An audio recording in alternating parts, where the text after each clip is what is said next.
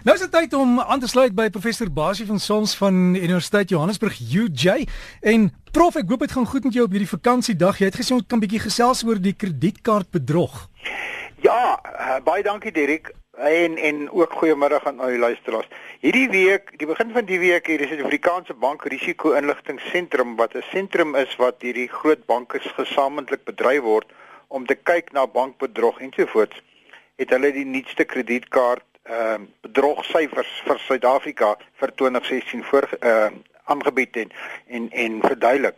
En uh, ek wil 'n bietjie daaroor praat en dan daarbey aansluit by 'n vraag uh, wat van 'n hele paar luisteraars gekom het. Wat is die rol van van binne mense? Ons het verlede keer net daarna verwys. Hoe is dit moontlik dat die die werkers van 'n van 'n bank of van 'n maatskappy inligting kan beskikbaar stel en dan derdens wat jy genoem het die die nuwe kredietkaart wat ons hier gaan kry.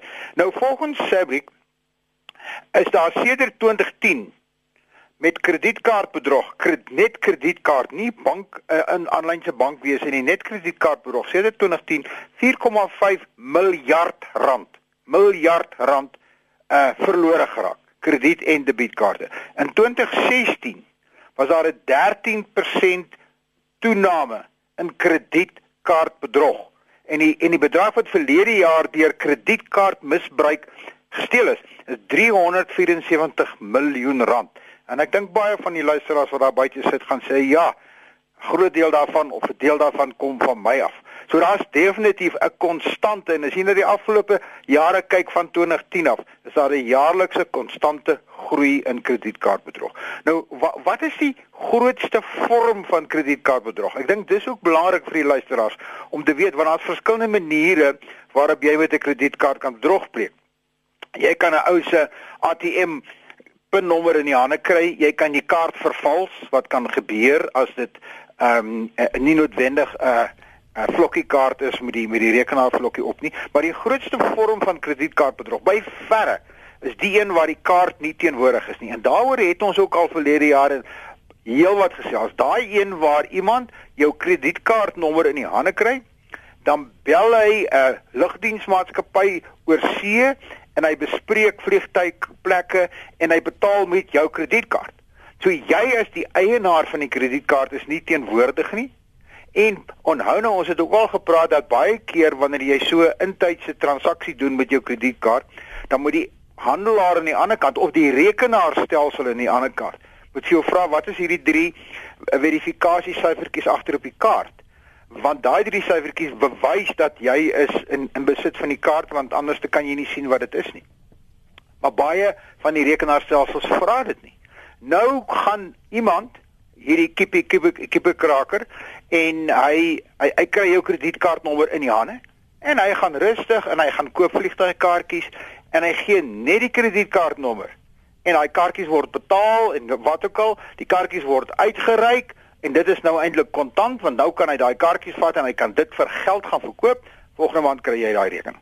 Ja. so dit is dit is die vorm en, en daarom die die waarskuwing vir die luisteraar is pas jou kredietkaart op. Dit is dit is amper iets soos jou chequeboek destyds was. Maar ek dink hy's nog meer sensitief as jou chequeboek. Want as as iemand hom steel, dan gaan hulle hom misbruik en hulle gaan hom nie noodwendig misbruik om geld by 'n ATM te koop te trek nie. Hulle gaan hom gebruik om of ligtyd, ligtyd is een van die grootste uh uh verhandelbare items. Jy koop ligtyd, jy kry die kupon, jy gebruik hierdie vals kredietkaart, kry die kupon, nou gaan verkoop jy daai kupon weer aan jou maatjie en jy gee vir hom afslag daarop en eintlik sit jy as die eienaar sit daarmee en jy ja. betaal met die kaart. Ja, en en prof, ding wat my soms plaas, wanneer jy 'n kredietkaart gebruik, die persoon aan die ander kant, hy kan daai nommertjies agter op jou kaart sien, maar die kameras in die dak, daai gaan so so sensitief. Ja. Hulle kan sien wat is jou pinkode wat jy daar indruk. Dit dit dit is verskriklik belangrik wat jy sê dat ons eerstens het ons al 'n paar keer daaroor gepraat, moet nooit die kaart uit jou oog laat gaan nie. Met hierdie masjienkies wat ons deesdae het, bring hom na jou na laat hom na jou toe bring, moet nooit jou kaart vir iemand gee, vir die kelner gee en sê kom terug en bring bring hom 'n tekening om. So, hou jou oog op jou kaart. En dan maar selfs dit het ek jy weet ryk ek ook maar rot baie keer want daai masjienkie kan ook geïnfekteer wees. So jy's reg Onthou ons het daar ook al gepraat daaroor dat jy hierdie nommers agter daai drie syfertjies agter op jou kaart kan uitwis. Jy moet dit dan net gaan neerskryf iewers want as iemand nou jou kaart stuur en jy daai drie syfertjies uitgekrap, dan kan hy eintlik nie uh, by 'n handelaar wat hom nou gaan konfronteer en sê goed, jy jy, jy, jy doen nie transaksie, hier is die kredietkaartnommer, wat is die drie syfertjies? As hy as hy jou kaart gesteel het en jy dit uitgewis of doodgekrap, dan kan hy nie daai transaksie doen nie want hy kan nie daai syfertjies verskaf nie. Ehm um, maar waar kry hy waar kry hulle hierdie hierdie kiepie kiepie krakers waar kry hulle hierdie inligting hierdie kredietkaart inligting? En dit bring ons by van die luisteraars se vraag. Is dit moontlik dat daar binnewerking is dat mense hmm. wat in banke of in maatskappye werk of in restaurante werk dat hulle jou kredietkaart inligting kan uh, versamel en en in die hande kry? Absoluut. Daar's geen twyfel aan nie. Want baie van hierdie kredietkaart ehm um, transaksies het, het hulle gewone skandeerdertjie. En baie keer in hierdie masjienkie is 'n skandeerdertjie ingebou. En hy skandeer soos wat jy nou gesê het, hy skandeer die nommer, die vervaldatum van die kaart, hy skandeer die nommertjies agterop. En soos vir die uh, kliënte die eters hier deur die restaurant gaan, daai kelner versamel maar net eenvoudig maar goed. Vanaand, môreoggend kom sy maatjie, deel van sy syndikaat, hy koop daai daai data by by hierdie ouetjie, hy betaal hom daarvoor Die data word vernietig. Die ouetjie maak 'n kopie daarvan, kiepie bekraker en daar is jou kredietkaart daarmee. So, onthou net, 'n kredietkaart is 'n belangrike ding. Hy en daarom is ook baie keer word databasisse wat gekraak word. Sit hulle die kredietkaart inligting, want as jy jou kredietkaart gaan stoor in die wolk iewers en hy word gekraak, daar word ons ook al gepraat. So, kom ons vat saam. Ja, daar's geen twyfel daarin dat met enige tipe kubermisdaad daar binne mense is. Dit kan mense van die maatskappy wees, dit kan mense van die van die kleinhandelwinkel wees, dit kan mense van die bank wees. Want al wat hy doen is hy maak geld. As hy data versamel van sy kliënte, onthou hy toegang.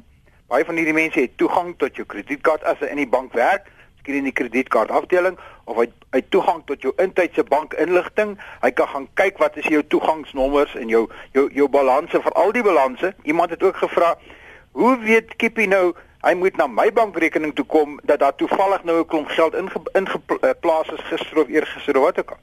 Dit kan van binnekant af kom. Dit ja, is nie onmoontlik nie. Ja, prof. Prof, die ander ding is 'n Mastercard sien ek het nou 'n nuwe tipe kaart wat wat meer van jou vereis ja. vir identifikasie. Dis nou presies waar die ding waar ek wil heen gaan. Jy weet, vroeër jare het ons 'n kredietkaart net met 'n magneetstreep gehad. En en Dit was baie onveilig geweest, maklik om na te maak. Toe het ons in die afgelope paar jaar het ons nou hierdie kredietkaarte gekry met die rekenaar vlokkie op, uh op die rekenaar skyfie op waar jy nou jou jou pinnommer kan intik en daai pinnommer lê op die kaart. So nou kan hy nie nagemaak word, jy moet die vlokkie namaak. Maar dit is net so misbruik want dis daai vier syfertjies het jy self nou net gesê. Is so maklik om in die hande te kry deur 'n kamera of deur die ou wat oor jou skouernommer lo loop ensovoorts dat dit ook nou alweer nie meer so veilig is nie. Nou die volgende en dis vir my baie interessant dat een van ons groot kredietkaartmaatskappye, ja, die twee grootes, een van hulle het nou gesê dat voor die einde van hierdie jaar gaan hulle nou in Suid-Afrika die nuwe kredietkaart beskikbaar stel waar nou op die vlokkie op die rekenaar skyfie nie net meer jou pinnommer lê nie, maar jou vingerafdruk. Sê jou duimafdruk. En nou wanneer jy nou jou transaksie gaan doen in die restaurant of waar ook al, Dan sit jy jou kredietkaart in. Langs die kredietkaart is daar nou 'n nie 'n uh, net 'n sleutelbordjie waarop jy jou pinnommer moet intikkie, maar daar's nou 'n vingerafdrukleser. Nou nou lees hy jou vingerafdruk en hy vergelyk dit met die vingerafdruk van die eienaar wat in die rekenaarvlokkie op die kredietkaart gestoor is. Nou dit is uiteraard baie veiliger. Dit bewys dat hierdie biometriese tipe identifikasie is baie veiliger.